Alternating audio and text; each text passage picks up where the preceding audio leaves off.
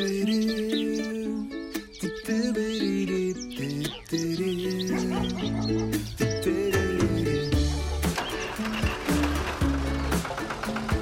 setve do žetve.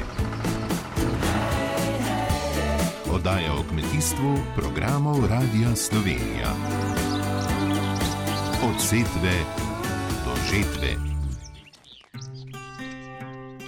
Lepo pozdravljeni del časa odmerjenega kmetijskim vsebinam bomo namenili ekološki pridelavi mleka, ki pri nas predstavlja le dober odstotek celotne prireje mleka.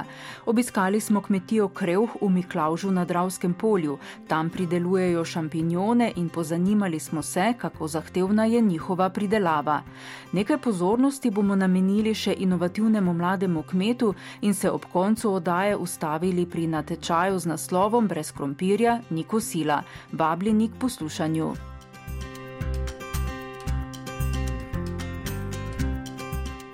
Prireja ekološkega mleka v naši državi predstavlja le nekaj več kot odstotek celotne pridelave mleka.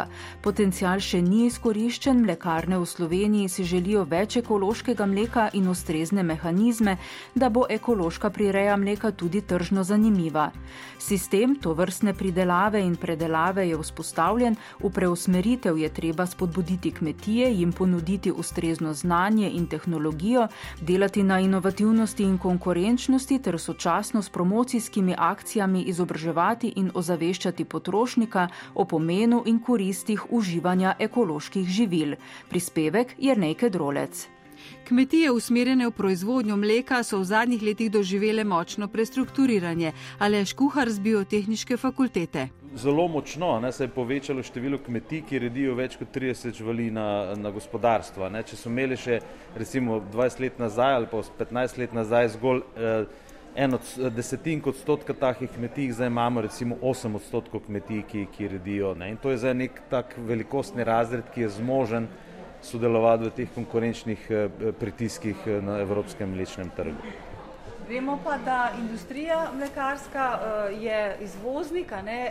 kako se pa tukaj kaj odražajo te ja, spremembe? Sektor zdaj posluje stabilno, Eh, raste izvoz, raste dodana vrednost, profitabilnost je ustrezna in definitivno je ziv to, kako zdaj oblikovati neke razvojne projekte v smislu celotne verige in tukaj nedvomno mora spremeniti dikcijo in intonacijo javna uprava, država, politika, delovati v smeri povezovanja, ker velik del dezintegracije v slovenskem agroživilstvu je nedvomno moč pripisati ne ukosti, ne s pametnosti komunikacije, delovanja javne uprave politike na področju agroživilstva, ki seveda eh, nekaj govori, drugo pa počne.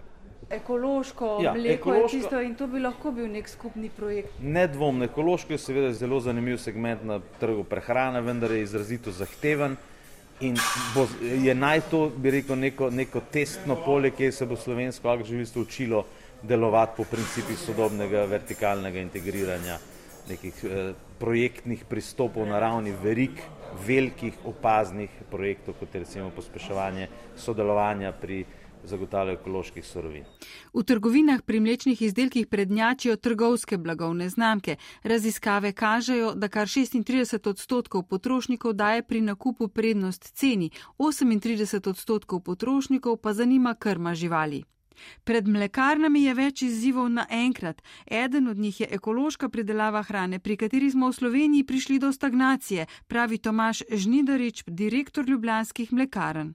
Popraševanje po ekološki hrani v Sloveniji in povsod v Evropi se povečuje.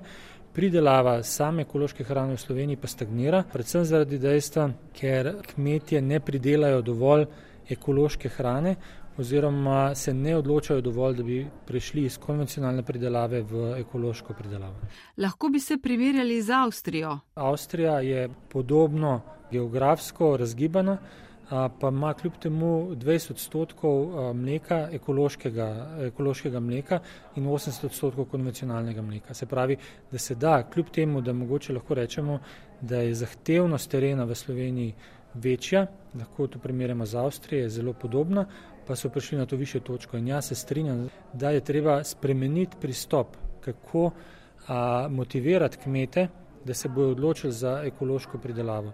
Vendar pa mogoče vsak prvo pomisli na denar, denar ni ključen. Ključen je to, da kmetu predstavimo in poenostavimo postopek, kako se prestrukturirati iz konvencionalnega v ekološko kmetijstvo. Država lahko pomaga finančno. Bodo vse ostale delo opravila podjetja sama? Nemogoče tega ne moramo narediti sami, je pa dejstvo, da moramo v tem intenzivno sodelovati. In ja, na, tudi na nas je delež oziroma del naloge, da to upravimo. Treba je pa vedeti, da kompletni postopki za prestrukturiranje trajajo dve leti.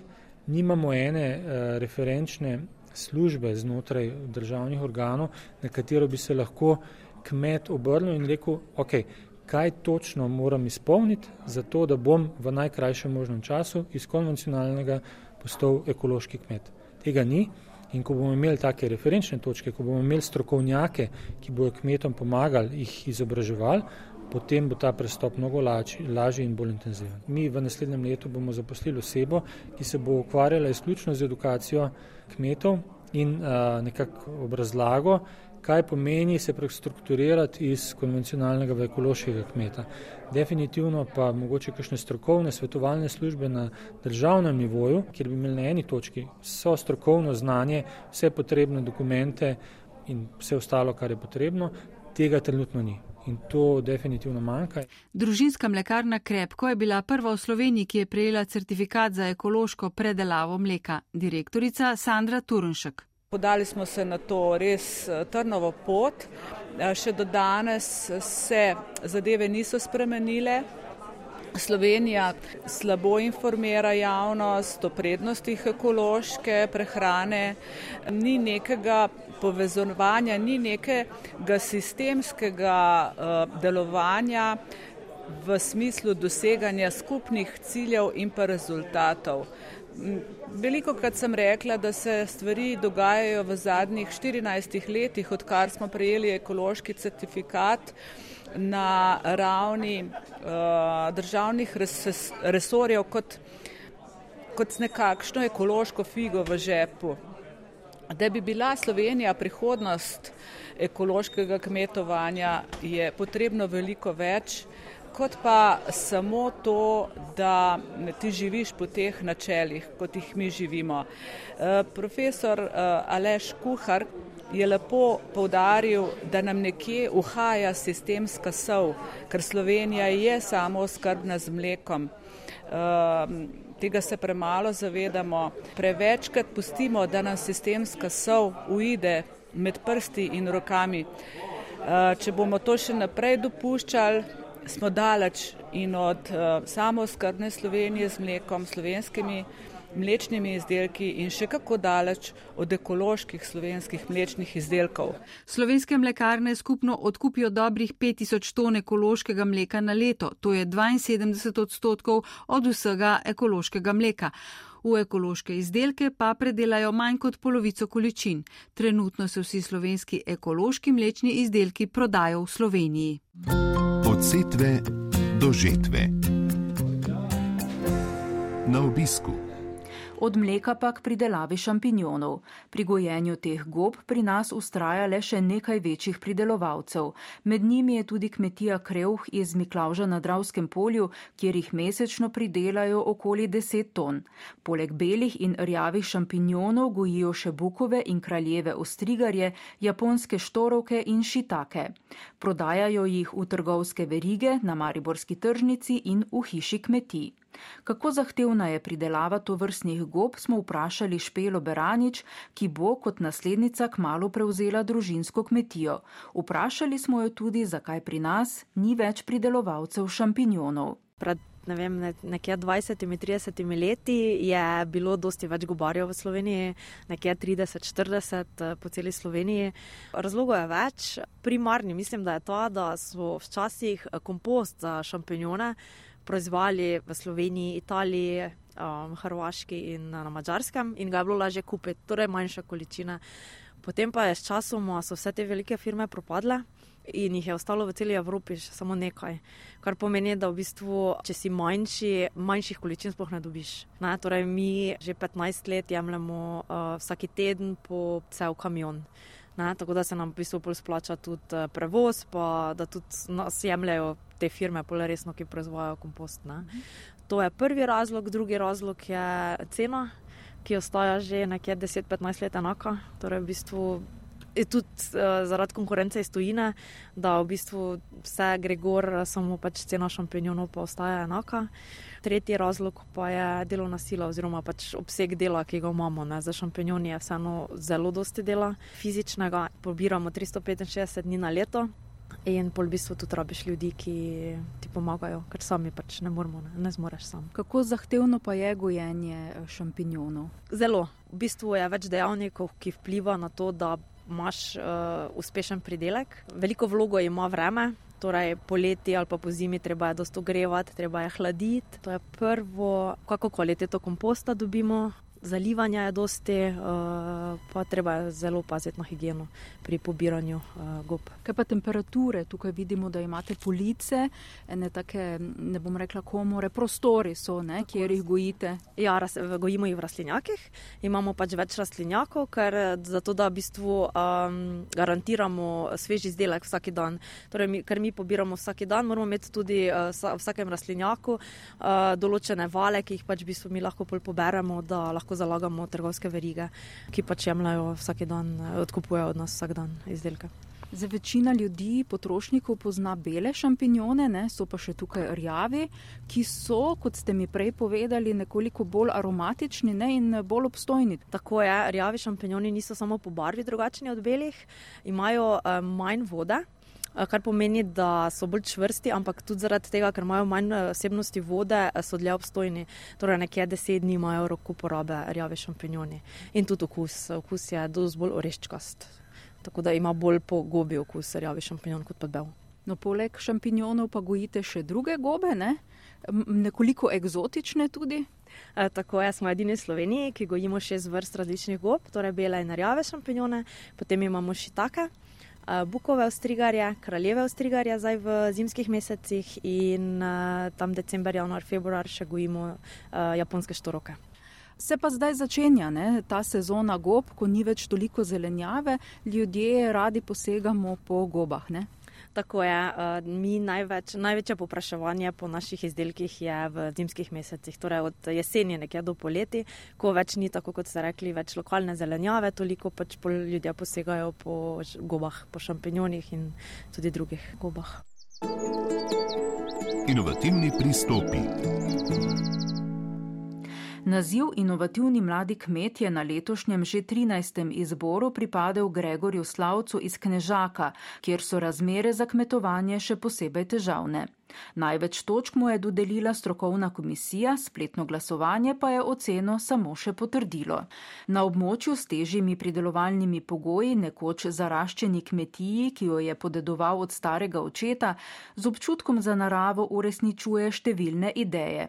Proizvaja inovativne izdelke, kot sta sladoleti z ekološkega kozjega mleka in sadna penina iz jabolk in malin. Na kmetiji izvajajo tudi didaktično dejavnost. Predvsem radi izpostavimo to, da na našo kmetijo, na naši kmetiji radi gostimo šole, vrtce, dijake, študente, se pravi, da jim pokažemo kot primer dobre prakse, kaj se da na območju z omejenimi dejavniki narediti, oziroma da ni še vse izgubljeno. Ob tem pa? V večini bom rekel, ja, redimo pretežno avtohtone slovenske pasme, se pravi, cikasto govedo, tudi samo društvo za cikasto govedo me je predlagalo za ta naziv, potem drežniško kozo, bovško ovco, štarsko kokoš, to je samo nekaj živali, če sem jih naštel. Se pravi, da tudi otroci oziroma obiskovalci, ko običajo našo kmetijo, lahko spoznajo te slovenske, avtohtone in tradicionalne pasme živali. In kaj mu pomeni laskavi naziv? Doživljamo kot eno veliko nagrado, bomo rekli, enako laskav naziv, da smo na dobri poti, da puščamo eno pozitivno in uh, mogoče privlačno sled v slovenskem kmetijstvu in da je tudi na območjih, kjer je mogoče malo teže kmetovati, še svetla prihodnost slovenskega kmetijstva. Od setve do žetve. Dediščina podeželja. Ob koncu pa še k zanimivemu natečaju Mariborske knjižnice z naslovom Brez krompirja ni kosila. Izbrali so tri najboljše stare kuharske recepte. Hrana je zaradi z njo povezanih običajev in navad več kot živilo. Njena pridelava in uživanje imata najširši družbeni vpliv, obenem pa sta tudi zelo osebna. Irena Kodrič Cizerl. Recepti in njihovo ohranjanje so povezani z navadami in geografsko-gospodarskimi danostmi. Nekoč se je jedlo, kar so dala polja, sadovnjaki in hlevi, hrana, ki je bila dosegljiva, bomo slišali tudi iz pogovorov z nagrajenkami natečaja. Prispelo je 36 receptov, komisijo pa je razveselilo, da so zastopane vsakdanje jedi dobrega okusa in hranljivosti, to pa priča o veliki iznajdljivosti gospodin. Te so se znašle tudi v težkih časih, naprimer tako, da so nadomestile moko s krompirjem. Zmagovalni je bil prav recept za krompirjevo torto, ki ga je poslala gospa Viktorija Rodič. Na podelitvi je žal manjkala, zato nam je podrobnosti zaupala Urška Šobak, raziskovalka lokalnega gastronomskega izročila in sonaravnega načina življenja ter pridelave hrane. E, krompirjeva torta, ko jo bomo pripravljali, bomo najprej mislili, da smo naredili nekaj narobe, da se nam je ponesrečila ta masa za torto, ampak e, ravno tukaj moramo ignorirati ta občutek trenutek, pa id preko in to maso samo prelijemo v pekač in spečemo. Je pa za slano torto ali za sladko? Sladko, sladko. Sladka. Krompir je pripravljen kot za pire krompir, potem pa zmešan z jajci, sladkorjem, zelo malo mletih orehov, zelo malo eh, stopljene čokolade, malo pecilnega praška in se to premeša in zlije v pekač. Recepti, ki so prispeli na natečaj, odražajo kuhinjo različnih slovenskih regij in krajev posredujejo vedenje, kaj so in še pripravljajo pri vsakodnevni kuhi ob praznikih in za priboljšek. Vsekakor pa dajajo vedeti, da smo se na zadnjem mestu pripravljeni odreči hrani, ki jo poznamo in ob kateri smo odrasli, pa naj se preselimo kamorkoli. Drugo mesto je pripadlo receptu za štokano zelje, poslala ga je gospa Cirila Gabron Vuk. Ta recept je zgornje primorski. Moja babica je bila iz Mosta na Soči doma, oziroma Modrece, to je na vas kilometr od Mosta na Soči. In uh, ona je ta recept, oziroma to jed pripravljala, ko sem bila jaz otrok, s mojim bratom sva bila. Ona naj jo je čuvala in seveda starši so bili v službi po cele dneve in ona je skrbela za nas in kuhala, seveda. In meni je bilo štokano zelje res najboljše. In so si spraševali, kaj je pa to štokat pomeni. Ja, pa to pomeni štokat, da pač štokaš, ne, da, da, da, da ga speštaš, da ga stiskaš. Ja, ja, da stiskaš, da ja. tlačiš. Recept je zelo enostaven, zelje, krompir, čebula, česen, olje, malo moke. In uh, ne znam povedati, koliko česa, ampak vse po občutku. Na tretje mesto je recept za postržjačo, sestričen gospe Marice Časar iz Radgone in gospe Juše Knes Ridl iz Maribora. Je del pomembne krušne dediščine, peka kruha je bila vedno dogodek, postrganka ali postržjača pa hitra potešitev skomin. Pravzaprav je družinski recept eh, vseh tistih družin, ki so pekle kruh same doma v peči, kar je bila osnovna eh, sestavina ampak hkrati pa so te gospodinje pričarale tudi nek priboljšek, ko so postrgale testo iz sklede, kjer se je mesilo. To so zvaljale, posule recimo smetano ali z odsvirki in to je bilo hitreje pečeno. Pravzaprav so to vrinile v tisto pečico, kjer se je peklo recimo štirje hlebci, ne? hkrati pa so še takšen priboljšek pričarali tako da so porabili vse. To mi je tudi všeč pri teh starih receptih. Nič ni šlo v stran. Doktorica Maja Godina Golja bo razložila, kako je bilo nekoč in marsikdo se bo tega dobro spomnil. Za pretekla desetletja je bila seveda eh, vezana izrazita eh, navezanost eh, na samo skrbo. Se pravi na to, kar so ljudje pridelovali na vrtovih, na hišnicah, na najetih njivah, dobili od sorodnikov in tako naprej hrana je bila izrazito sezonska, kar danes več ni ne? in včasih tudi enolična. Tako da recimo, če vprašamo starejše ljudi, ni bilo vedno vse tako idilično in dobro, kot si danes predstavljamo. ko je bilo vem, veliko stročjega fižola, so ga jedli v neštetih obrokih. Ko so bile kumare, so bile kumarične solate, pa kumarični zod, pa kumare za kičo smetane in tako naprej. Ne. Bom rekla sicer zadostna večinoma, ampak sezonsko pogojena in včasih tudi enolična. In ravno zaradi tega, ker je bilo toliko nekega živila v določenem času, so se razvili zelo različni recepti, ki jih danes pogosto pozabljamo. Gospodine so se skušale najti in v bistvu pripraviti nekaj novega iz tistih skromnih sestavin, ki so jih imele na voljo. Kot smo ugotovili tudi na tem natečaju, marsikatere te skromne jedi so lahko odlična popestritev. Seveda, če bi to jedli recimo en ali dva meseca, tako kot so včasih, bi se jih naveličali. Glede na veliko pestrost in raznolikost eh, današnjih obrokov, pa so te jedi zagotovo iz teh starejših kuharskih zbirk ali pa zbirk receptov zelo dobrodošla popestritev. Za nami je še ena oddaja namenjena kmetijskim vsebinam. Pripravili smo jo Jrnej Kadrolec, Irena Kodrič Cizerl in Nataša Kuhar. Za zvokovno podobo je poskrbel Goran Glavičič. Hvala za pozornost in do slišanja ponovno prihodnjo nedeljo. Srečno! Od setve do žetve. Oddaja o kmetijstvu programov Radia Slovenija. V današnji oddaji od setve do žetve smo se torej posvetili ekološki pridelavi mleka, se pozanimali, kako je z gojenjem in prodajo šampinjonov, ter se ustavili pri natečaju z naslovom Brez krompirja ni kosila.